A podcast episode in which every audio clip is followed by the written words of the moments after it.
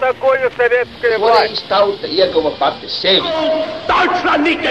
Liktenīgas nejaušības un slēptas likumsakarības, subjektīvas patiesības un objektīvi aizspriedumi. Pēc atkušņa nekad nenāk uzreiz pavasars, bet sākās Arī šodien cilvēki ir ļoti tūredzīgi. Viņi redz to naudu, kas ir. Televīzijā jau pamatā notiek cīņa par varu. Pagātne no šodienas skatu punkta un šodienas caur pagātnes prizmu. Raidījumā šīs dienas acīm. Katru svētdienu Latvijas radio eterā Eduards Liniņš. Labdien, cienījamie klausītāji! Pagājušajā gadā, 2017. gadā, mēs atzīmējām 500 gadus kopš reformācijas.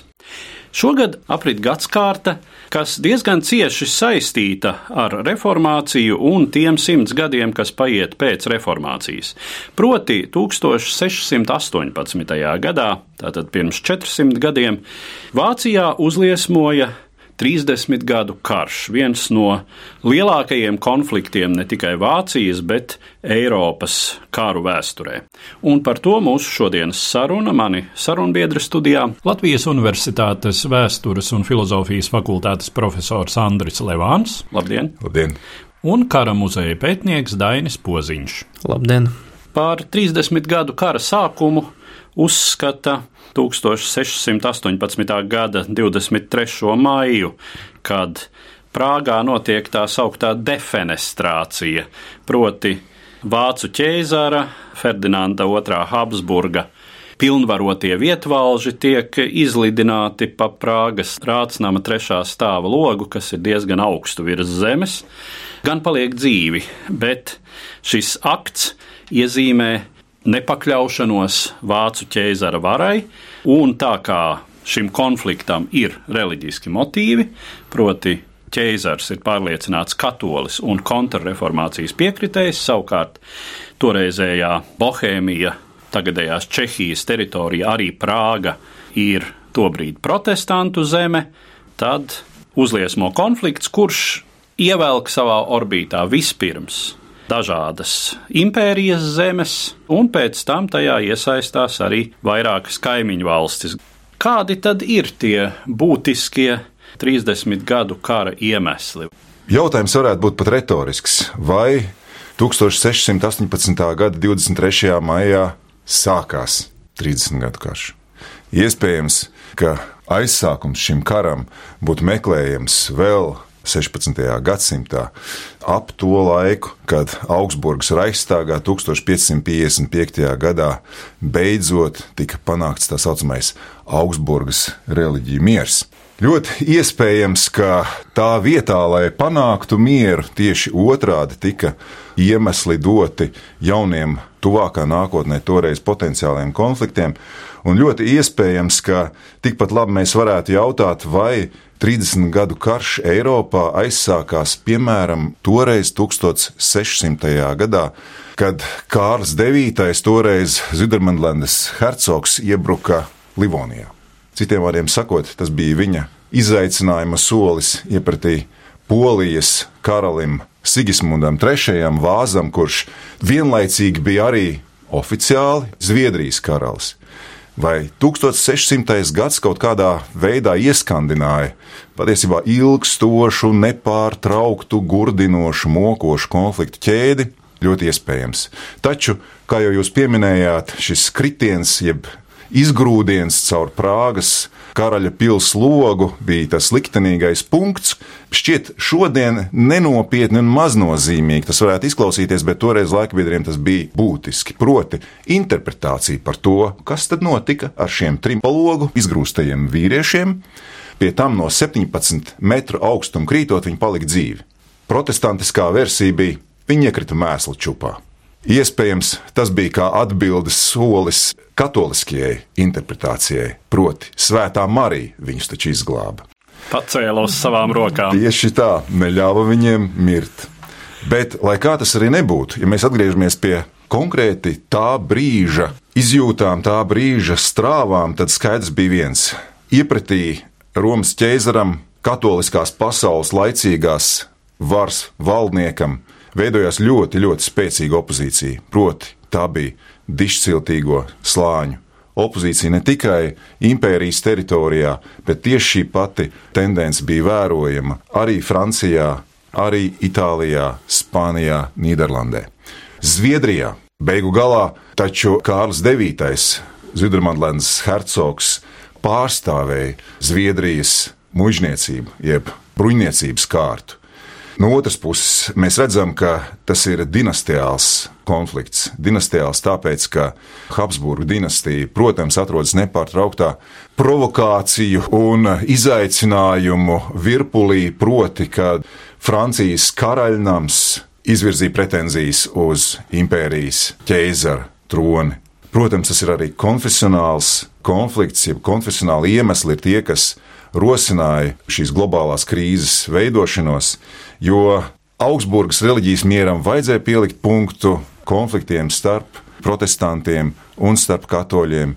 Notika pretējais. Un mēs jau redzam, ka arī šajā saspīlētajā situācijā, kur veidojās impērijas ķēzaram ar dišciltīgo slāni, respektīvi ar bruņniecības kārtu, impērijas teritorijā, arī citviet Eiropas karalistēs, tā skaitā tātad Zviedrijā, Nīderlandē un citur, mēs redzam, ka protestantiskā bruņniecības daļa, kurai, protams, vajadzēja apliecināties gan attiecīgo karalistu, gan impērijas politiskajās struktūrās un sistēmā, šķiet draudēja nokļūt marginālā pozīcijā. Kāpēc? Tieši tāpēc, ka viņi bija protestanti, bet ķēzars katolis. Ķēzars proti protestantu dišciltīgos nevarēja uzaicināt pilnvērtīgai dalībai Reichstāgā. Tas nozīmē, viņiem ierodoties Reichstāgā nebūtu balss tiesības. Tas nozīmē patiesībā mēģināt apiet šo konfliktu, radot mākslīgas vai jaunas, ļoti diskutablas konstrukcijas, ko darīja piemēram Maksimiliāns II 16. gadsimta 70. gados. Viņš izdomāja tādu gājienu, ka šiem protestantiem, bruņniecības aktīvajiem pārstāvjiem, vajadzētu iedot garīgu lēni, proti, katoļu biskupa lēni. Tādā veidā viņam garantējot iekļūšanu Reichstāgā un dodot balss tiesības. Uz ko, protams, iebilda pāvesta kūrija, jo bez pāvesta kūrijas, bez pāvesta svētības šāds protestants no vienas puses, bet institucionāli katolis pēdiņās taču nekādā gadījumā nevarētu un pat nedrīkstētu saņemt garīgu iesvētību šajā amatā. Tas nozīmē, tā bija un palika viena vienīga fikcija, kurai pēc iespējas ātrāk bija jāliek punkts. Ko tad izdarīja Maksimiliāna otrā dēls, Ferdinands I.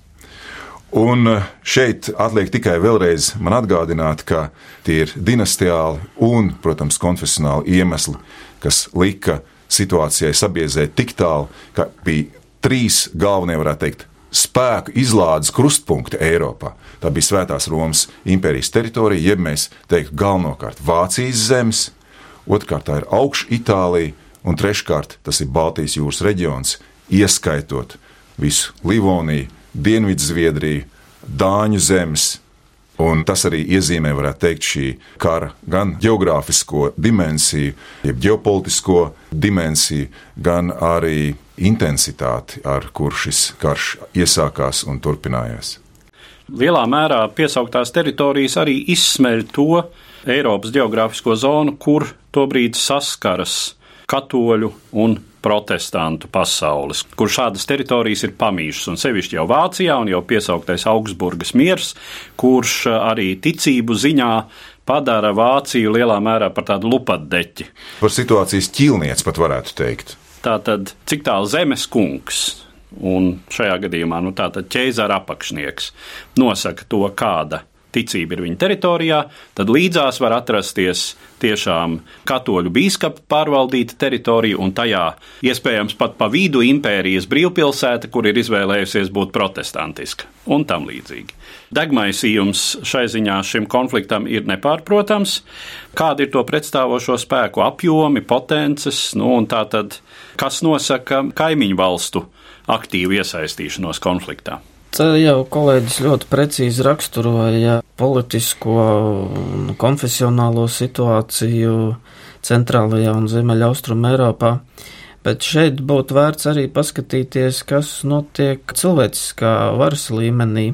Ferdinands II, kā varas mantinieks, pēkšņi izmainīja Augsburgas miera līgumā noteiktos noteikumus nāk jauns monarhs, jauni spēles noteikumi. Protams, ka Bohēmijas reģionā protestantiem un, teiksim, Vācijas protestantiem bija ļoti liels pamats satraukumam, ja viņus atstumj no politiskās ietekmes, ja rodās risks viņu statusam, viņu īpašumiem. Un šādos konfliktos, reliģiskos un ideoloģiskos un arī dinastijas jautājumos ļoti būtisks faktors ir tas, kurš mužnieku grupējums vai konfesija kontrolē kādus ekonomiskos un militāros resursus.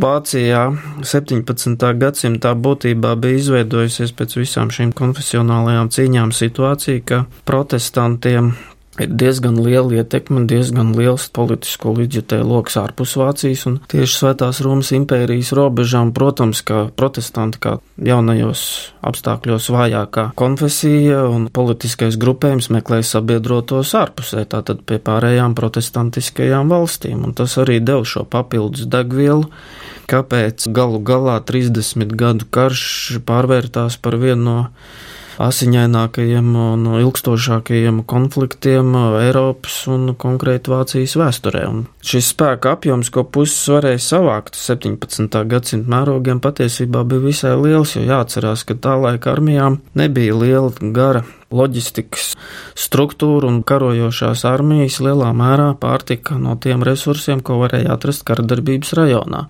Plus to brīdi ir raksturīgas algotņa armijas visām karojošām pusēm. Liela nozīme ir no svešām zemēm, arī no savām teritorijām savarvētiem karavīriem, kuriem algas jautājums ir galvenais lojalitātes faktors. Algas nav, bez problēmām mainām pusi vai karavadoni. Un līdz ar to šāda armija darbošanās jau pat 30 gadu kara sākumā radīja katastrofālas sekas Vācijas, Bohēmijas un citu rajonu, tā skaitā arī Livonijas iedzīvotājiem, kur šāda tipa armijas veids karadarbību. Teritorijas tika izpostītas tā kā pēc siseņu bara uzlidojuma. Armija ierodās kādā novadā 20-22 tūkstoši cilvēki. Ja viņi paliek ilgstoši uz vietas, viņiem vajag pārtiku, zirgiem elpi un tā tālāk. Viņi šo reģionu, tā teikt, iztukšo no pārtiks resursiem pilnīgi.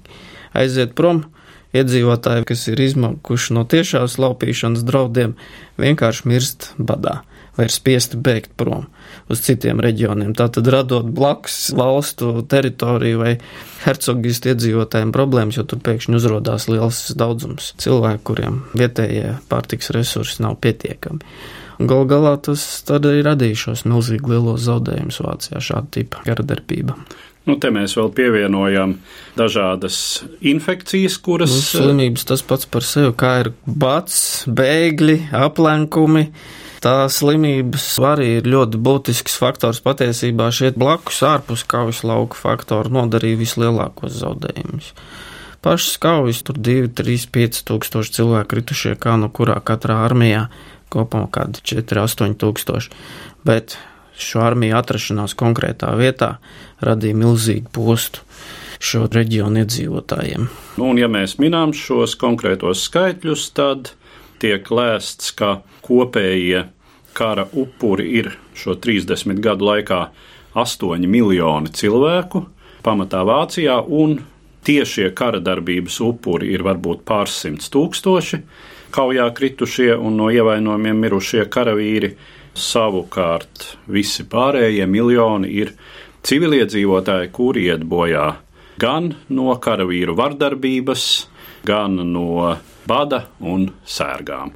Un, protams, tas ņemot vērā tā laika iedzīvotāju skaitu, šādi skaitļi, kādi ir raksturīgi lielākajiem 20. gadsimta militārajiem konfliktiem, kādi jaut mēs runājam par totālo karu, bet tā laika kara darbībai, tad, protams, var saprast, cik nežēlīga ir šī kara vēsture. Procentuāli pret iedzīvotāju skaitu dažos Vācijas reģionos diapazons zaudējumu, cik no sākotnējā pirmskara iedzīvotāju skaitu un 30 gadu kara laikā zaudēt iedzīvotāji.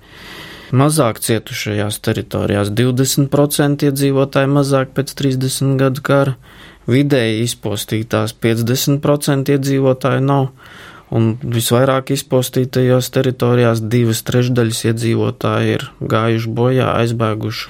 Un šos datus izdevās atklāt pētot Vācijas ekonomisko vēsturu muižu reģistrus. Tur parādās dati, cik ir nodokļu maksātāji, kādas ir situācija ar darba spēku, un dažos reģionos procentāli pret iedzīvotāju skaitu. Šis 30 gadu karš tālaik cilvēkiem bija pilnīgi un absolūti eksistenciāla katastrofa. Mūsdienās pat vislielākie konflikti reti, kad mūsdienu vēsturē ir sasnieguši procentuāli pret iedzīvotāju skaitu tik ārkārtīgi lielu zaudējumu apjomu. Es atļaušos vēl vienīgi piebilst, ko kolēģis tikko teica, ka tie rādītāji jau ir pavisam loģiski izskaidrojami, ja mēs tā laika situāciju vienkārši pavērojam un ekonomikas modeli piesaucam vai mēģinam ar tā palīdzību izskaidrot sekojoši. Proti, mēs nedrīkstam aizmirst, ka vēl ar vienu 17. gadsimta sākumā vidū tā vēl ir agrāra saimniecība. Tā ir galvenokārt turējumu slēņu īpašumos, mēs tās varam arī citu vietu Eiropā saukt par muižām. Tā ir tātad uz vietas ražotās produkcijas, patēriņam domātā pārtika, drēbes, sadzīves priekšmeti, darbarīki. Un, protams, tas, ka lauki vēl ar vienu bija tāda, no kuras nāca pārtika un galvenās izēvielas pilsētām. Tas blakus efekts šīm kardarbībām bija, protams, ka cieta jau primāri šīs lauku, tātad ārpus pilsētas teritorijas. Un līdz ar to ķēdes reakcija bija tāda, ka, ja trūka pārtikas laukos un tur sākās bats, tad automātiski tas arī daudz lielākos apjomos skāra pilsētas. Tas ir viens, līdz ar to diezgan likumsakrīgi ir arī tas, ka tieši pēc 30 gadu kara mēs redzam, ka Eiropas ekonomiskā sistēma ir jaunos meklējumos. Ko darīt, lai piedzīvojot šādu katastrofu, piedzīvotās nelaimes un kļūdas mēs vairs neatkārtot. Respektīvi, notiek ekonomikas pārstruktūrizācija. Mēs teiktu, šodien ekonomika tiek veidot jau uz pavisam citiem pamatiem. Protams, daudzas eh, tradicionālas tās pašas lēņa attiecības sistēmas galvenos elementus saglabājot un tomēr pārorientējot attiecīgi ekonomiku. Protams, tajā brīdī, kur ir eh, sērgas un bats, kas notiek ar cilvēkiem, viena daļa iet bojā, tāpēc ka tie ir tiešie šo sērgu un bada upuri. Otra daļa pamet šo teritoriju, un tādā veidā rodas milzīgas apkārt klejojošas ļaužu masas, bez dzīves vietas un bez nodarbošanās, kas patiesībā nodarbojas vienīgi ar ko? Barības un izdzīvošanas līdzekļu meklējumos. Šie cilvēki sāk laupīt, šie cilvēki paši kļūst par laupīšanas un slepkavību upuriem. Tas nozīmē, ka tā aina ir vēl varbūt briesmīgāka nekā mēs spējam iedomāties, ka vietas, kur pirms tam bija notikušas aktīvas kardarbības, piemēram, bija apdzīvotas, mēs teiktu, tās bija nelielas oāzes, tad beidzoties kaut kādām lielām cīņām, vai ilgstošiem apklājumiem, vai ilgstošām postošām kardarbībām, vienkārši šīs vietas bija tuksnesis. Tātad oāzes pārvērtās par tuksnešiem, nelaimīgi cilvēki, klaiņojoši, ar kuriem neviens neko pat nevar iesākt, jo viņus neviens negrib, neviens viņus nevēlas uzņemt. Un tad vēl ir jautājums, ko šeit var darīt baznīca. Un izrādās, ka baznīca nevar darīt it neko. Izņemot, var sākt akciju, jeb kampaņu cīņā pret maņticību. Un jūs varat iedomāties, kas varētu būt nākamais teikums. Inkvizīcija sāk darboties ar pastiprinātu jaudu, tiek meklēti visi tie, kuri kaut kādā veidā varētu kļūt aizdomīgi un apsūdzami ķecerībā. Jo nevelti tieši šajā brīdī, kad 1620. un 30. gados karš bija parādījis, uz ko tas ir spējīgs, kad cilvēki bija parādījuši, uz ko viņi ir spējīgi savā nežēlībā, savā tumsonībā un savā apmātībā, tad tajā brīdī šie paši cilvēki meklēja glābiņu mājiņticības fantāzijās. Bieži vien. Un baznīca šādu situāciju nevarēja pieļaut, jo skaidroja to kā ar ticības zaudēšanu. Ķecerības jaunu vilni, jaunu klātbūtni, un tad, protams, parādās tāds vārds kā ragana un raganu medības. To var viegli arī izskaidrot, jo faktiski sākoties 30 gadu karam, tā pierastā mierīgā naturālā saimniecības vai viena ciema, vienas pilsētas vai vienas lauku kopienas vai pilsētu reģiona dzīve būtībā sabruka, un tas veids, kā karoja 17. gadsimta sākuma armijas, būtībā izrietē no šīs naturālās saimniecības īpatnībām. Jo 17. gadsimta sākuma karavadonis karalis bija ar diezgan ierobežotām spējām, viņam vienkārši nebija uzkrātas loģistikai nepieciešamie resursi. Un, uh, ņemot vērā tā laika ceļu stāvokli, nu, Zviedrijas armija apgādāt no Zviedrijas teritorijas vai Spānijas armija no Spānijas teritorijas bija praktiski neiespējami. Ja viņi atrodas simtiem, dažs pat tūkstošiem kilometru no savas sākotnējās izvietošanās vietas, tad loģiski, kad naturālā saimniecība vietējā tika pilnīgi sagrauta. Un šis katastrofas mērogs bija tik milzīgs, ka cilvēki patiešām izmisumā meklē. Tā laika literatūras un vēstures avotus palasot, ir pilnīgi skaidrs, ka rodās ticība dažādiem brīnumiem, meklē atbildes un kāpēc mums piemeklē šādu katastrofu, un arī rodās šaubas par tradicionāliem reliģiskiem institūtiem, jo radās jautājums, nu, kur tad ir šī dieva palīdzība un kāpēc par mūsu galvām šis posts nācis. Un, protams, ka oficiālās baznīcas iestādes gan protestantu, gan katoļu zemē šie procesi ārkārtīgi satrauc. Un tad šīs maņticības uzliesmojums un savukārt tās apkarošana deva savu veidu arī drošības ventilu, jo tad cilvēki redz, ā, reku ir vainīgais, tas ir uzlikts uz sārta Tātad varas iestādē vietējam mužniekam vai pilsētas rātē ir iespēja kaut kur novadīt cilvēku dusmas, kontrolēt procesu, mēģināt savākt šo situāciju. Mums šodien ir grūti iedomāties 17. gadsimta sākuma iedzīvotāju dzīvi 30 gadu kara apstākļos, jo šis karš tiešām pilnīgi sagrāva visu šo naturālo saimniecību, pilnīgi totāli. Jo klaņojošs cilvēks, klaņojošs zemnieks, amatnieks, kas ir spiests pamest savu dzimto pilsētu, tas nestrādā. Tātad šajā reģionā arī samazinās to cilvēku daudzums, kas reāli ražo šo pārtiku. Šīs sekas ir daudzkārt tālāk ejošas armijas klātbūtnē un ietekmē daudzus, daudzus gadus uz priekšu vēl pēc tam, kad kardarbība konkrētā reģionā bija beigusies. Mums nav ne laika, ne iespēju šajā raidījumā aplūkot visu 30 gadu kara procesu ar dažādu armiju darbību. To visu, protams, var arī populāros avotos atrast un lasīt gan par spilgtāko valdnieku un karavadoņu vārdiem, nu, teiksim, Zviedrijas karalis Gustavs Ādolfs, kuru dēvē par ziemeļu lauvu, kas ierodas ar savu armiju vācu zemēs un izkaro vairākas spožas uzvaras, un tur arī paliek kaujas laukā ar lodi krūtīs.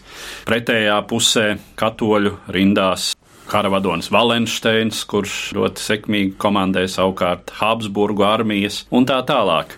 Arī literatūrā, protams, gan šie izcilie vārdi, gan arī 30 gadu kara mazais cilvēks ir atradis ļoti spilgtu atspoguļojumu, nu, kaut vai lai atceramies Bertolta Brehta kurāžas māti, vienu no izcilākajiem 20. gadsimta dramaturģijas darbiem.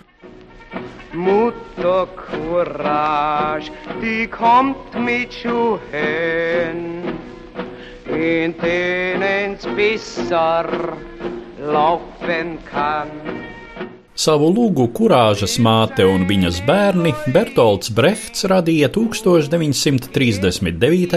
gadā, reaģējot uz Otrā pasaules kara sākumu. 30 gadu kara notikumi autoram kalpo par tematisko ietvaru, lai raksturotu sava laika 20. gadsimta vidus problemātiku. Tomēr Brehta izvēle ir dziļi vēsturiski pamatota. 30 gadu karš fundamentāli pavērsa vēstures procesu pretī attīstībai, kas veidoja moderno Eiropu un pasauli. Turpinājumā fragmenti no Bertolta Brehta Lūgas kurāžas māte un viņas bērni pagājušā gadsimta 60. gados tapušā Latvijas radio ierakstā. Kurāžas mātes lomā Lilija Žvīgule. 1624. gada pavasaris. Tirgotāja Anna Firlinga, kas iesaukt par kurāžas māti, nāk ar diviem dēliem un meitu, vilkdami kulbu. Lielceļš pilsētas tuvumā. Saldami stāv feldfēbelis un vervētājs. Labrīt, Feldfebeļa kungs! Labrīt, ļaudis! Kas jūs esat? Esmu ar savu kulbu apbraukājusi visu pasauli. Aha, tas viss tiks pierakstīts. Jums labāk vajadzētu saukties par jēkapu vērsi un ezaju vērsi, jo jūs taču velkat ratus. Laikam nekad netiksiet vaļā no iejūga. Māt, vai es drīkstu gāzt viņam pa purnu? Kā es to gribētu? Bet es aizliedzu, liecies mierā. Un nu, virsnieku kungi, vai jums nav vajadzīga laba pistole vai kāda sprādze? Jūsējā jau pavisam nodilusi, Feldfebeļa kungs. Man vajadzīgs kas cits. O, es redzu, puiši no auguši kā ozoli, platas krūtis, stipri pleci. Gribētu zināt, kāpēc te izvairās no karadienas. Neko darīt, Feldfebel. Mani bērni neaug zaldātu amatam. Bet kāpēc ne? Tas dod peļņu un slavu. Tirgošanās vairumā ar zābakiem ir sieviešu darbs. Panāc šurp! Ļauj pataustīt, vai tev ir muskuļi, jeb tu esi tikai tāds cēlēns vien. Viņš ir cēlēns. Ja kāds viņu stingrāk uzlūko, viņš var pakrist. Un pie tam nosīs steļu, ja tam uzkristu virsū. Liec viņu labāk mierā. Viņš ir tīrais bērns. Jūs gribat viņu vest uz kaušanu. Es jūs pazīstu. Dabūsiet par viņu piecus guldeņus. Vispirms viņš dabūs skaistu ķiveru un stūmeņus, vai ne? Ne jau no tevis.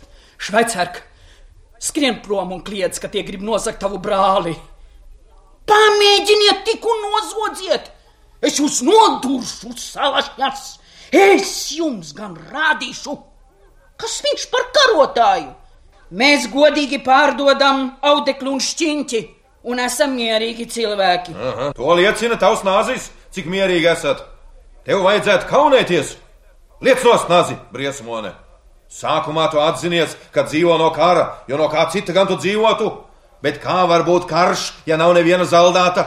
Tiem nav jābūt manējiem. Mm -hmm, tā gan, lai karš aprī serdi, bet bumbieri lai spļauj laukā. Lai tavs perējums karā nobarojas un nemaksā nekādu nodevu. Lai tikai domā par savu labumu, ko? Tu saucies kurāžu vai? Un baidies no kara savu maizes devēja. Tāvi dēli nebaidās, to es zinu. Kur Elifs? Vai dieviņi?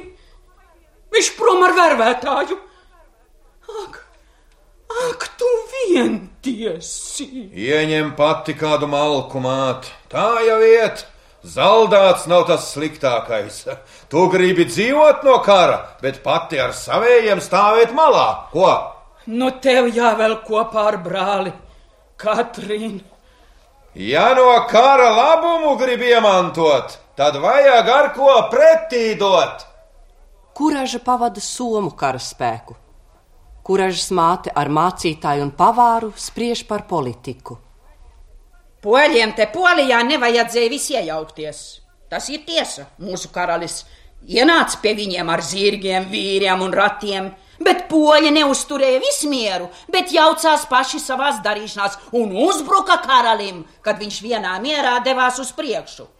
Tā viņi ir vainīgi, ka miers nolauzts, un visas asinis līst par viņu pašu galvām. Mūsu karalis paturējis acīs tikai brīvību. Ķēzars ir visus apspiedis, kā poļus, tā arī vāciešus, un karalim vajadzēja tos atbrīvot. Es tā skatos, ka jūsu šņabis ir lielisks. Jūsu seja mani nav maldinājusi. Bet, ja mēs runājam par karali, tad brīvība, ko viņš gribēja nodibināt Vācijā, ir karalim diezgan daudz izmaksājusi. Jo Zviedrijā viņš izsludināja sāls nodokli, kas nabaga cilvēkiem, kā jau teiks, diezgan ķēra kabatā. Un tad viņam vēl vajadzēja ieslodzīt un likt saraustīt gabalos vāciešus, jo tie pat verdzībā stingri turējās ķēzaram pretī. Saprotams, ja kāds negribēja kļūt brīvs, karalis nepazina nekādus jokus. Sākumā viņš gribēja tikai poļus aizstāvēt pret ļauniem cilvēkiem, it īpaši pret ķēzaru, bet tad ēdot radās ēst griba, un viņš jau ir aizstāvējis visu Vāciju. Tā pamatīgi turējās pretī. Labais karalis nav pieredzējis neko citu, kā tikai nepatikšanas ar savu labsirdību un izdevumiem, un tos viņam, protams, ar nodokļiem vajadzēja dabūt atpakaļ, kas radīja dusmas, bet viņš nav ļāvis sev sarūktināt. Viens viņam bija svēts, dieva vārds, un tas bija labi. Citādi vēl varēja teikt, ka viņš to dara sevis dēļ un grib gūt labumus. Tā karalim vienmēr bijusi tīra sirdsapziņa, tas viņam bija galvenais. Var redzēt, ka nesat zviedrs. Citādi jūs runājat savādāk par varonīgo karali. Galu galā jūs taču ēdat viņa maizi. Es neēdu viņa maizi, es viņam to cepu. Viņš nevar tikt uzvarēts, tāpēc, ka tauta viņam tic. Nopietni! Mit seinem Glück, seiner Gefahren, der Krieg, der zieht sich etwas hin. Der Krieg, der dauert hundert Jahre, der kleine Mann hat Līdz ar to izskan mūsu šodienas raidījums. Sarunu par 30 gadu kāru ar Latvijas Universitātes vēstures un filozofijas fakultātes profesoru Andri Levānu un kara muzeja pētnieku Daini Poziņu turpināsim nākamsvētdien, 27. maijā. Katru svētdienu Latvijas radio viens par pagātni sarunājas Eduards Liniņš.